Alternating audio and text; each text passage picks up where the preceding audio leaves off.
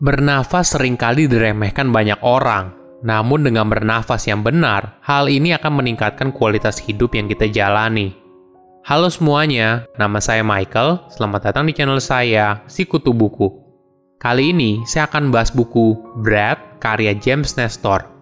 Sebelum kita mulai, buat kalian yang mau support channel ini agar terus berkarya, caranya gampang banget. Kalian cukup klik subscribe dan nyalakan loncengnya Dukungan kalian membantu banget supaya kita bisa rutin posting dan bersama-sama belajar di channel ini. Buku ini membahas pentingnya cara bernafas yang benar dan membantu dalam meningkatkan kesehatan kita pribadi. Kita mungkin merasa tidak perlu belajar soal bernapas. Toh kita sudah bernapas setiap hari sejak kita lahir.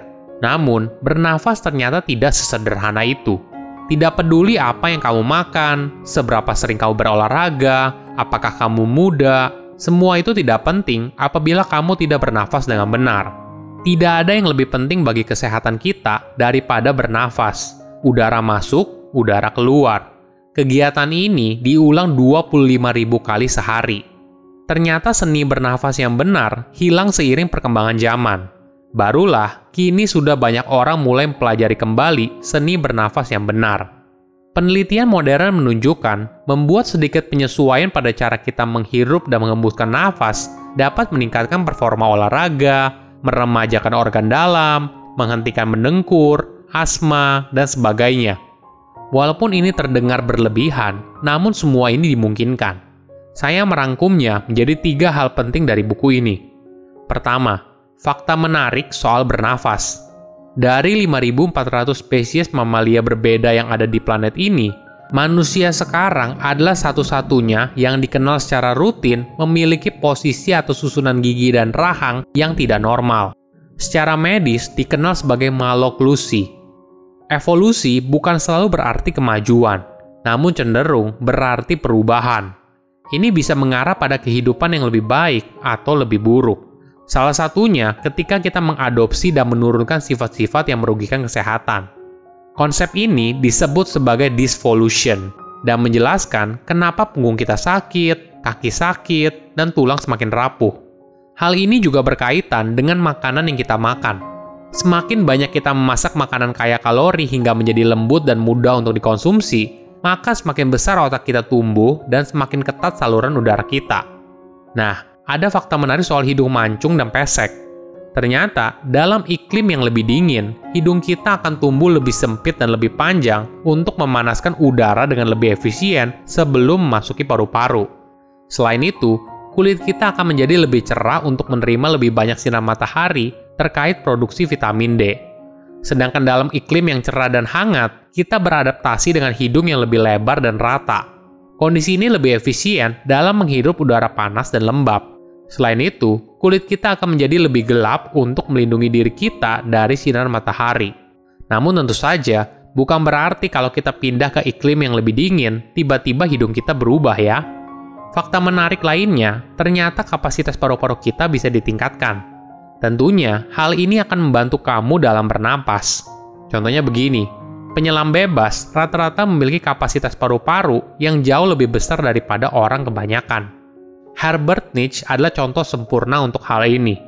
Herbert memiliki kapasitas paru-paru 14 liter, lebih dari dua kali lipat dari kapasitas paru-paru rata-rata pria pada umumnya. Dia tidak dilahirkan dengan paru-paru yang besar.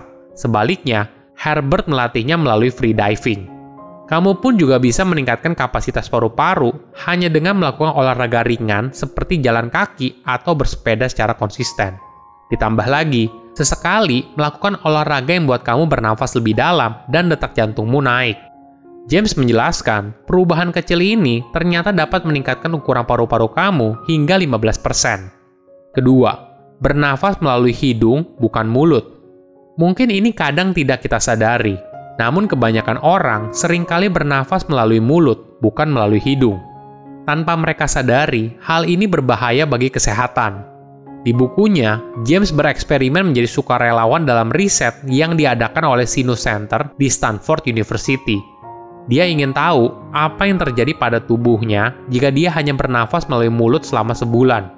Walaupun eksperimen ini harusnya berjalan selama sebulan, James hanya mampu bertahan selama 10 hari. Hal ini dikarenakan tekanan darahnya naik 20 poin di hari pertama. Selain itu, James yang awalnya bukan orang yang suka mendengkur, tapi dia mulai mendengkur 4 jam per malam. James juga mulai mengalami sleep apnea.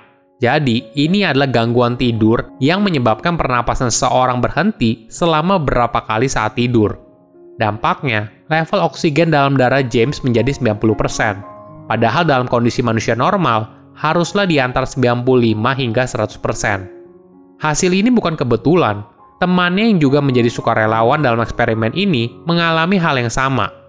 Setelah beberapa jam bernafas kembali melalui hidung, James merasa normal kembali.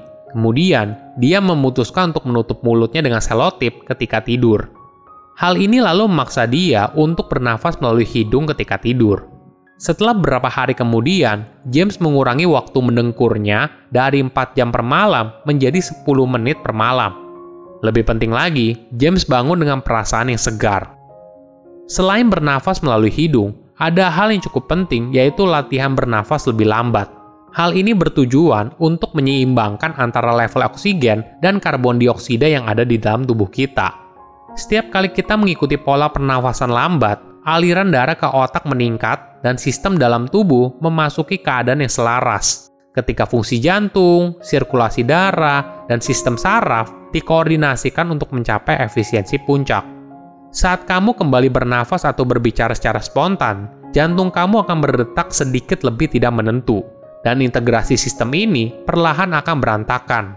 Namun, dengan beberapa tarikan nafas yang lambat dan rileks, keselarasan itu akan kembali lagi. James juga telah mencoba berbagai metode pernafasan selama bertahun-tahun.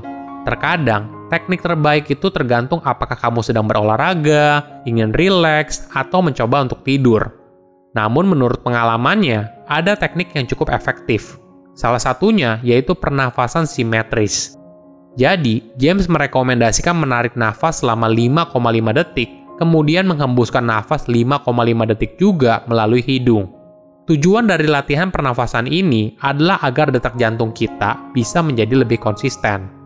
Ketiga, manfaat bernafas dengan benar. Ada fakta yang menarik. Hewan yang punya usia panjang merupakan hewan dengan detak jantung yang lambat. Hal ini diasosiasikan dengan tingkat pernafasan yang lebih lambat. Di dunia hewan, pernafasan dan rentang hidup berjalan proporsional. Gajah adalah salah satu hewan yang hidup paling lama dan mereka hanya mengambil 4 hingga 5 nafas per menit. Demikian pula dengan aligator yang hanya mengambil satu napas per menit. Sebagai perbandingan, anjing, kucing, dan tikus mengambil lebih banyak nafas per menit. Kemudian, mereka hidup jauh lebih pendek daripada gajah dan aligator. Manusia berada di antara gajah atau aligator dan kucing atau anjing untuk kecepatan nafas dan masa hidup. Manfaat lain dari seni bernafas yang benar adalah hal ini bisa membantu seseorang dalam menghadapi kecemasan. Orang yang mengalami gangguan panik memiliki kadar karbon dioksida yang rendah dan rasa takut yang jauh lebih besar untuk menahan nafas. Untuk menghindari serangan lain, mereka bernafas terlalu banyak dan akhirnya menjadi sangat peka terhadap karbon dioksida dan panik jika merasakan peningkatan gas ini. Mereka cemas karena bernafas berlebihan. Sebaliknya, nafas berlebihan karena mereka cemas. Tidak ada hal yang penting untuk kesehatan kita daripada bernafas. Latihan ini mampu meningkatkan kualitas hidup dan mencegah masalah kesehatan serius yang ada di masa depan. Silahkan komen di kolom komentar pelajaran apa yang kalian dapat ketika baca buku ini. Selain itu, komen juga mau buku apa lagi yang saya review di video berikutnya. Saya undur diri, jangan lupa subscribe channel YouTube Sikutu Buku. Bye bye.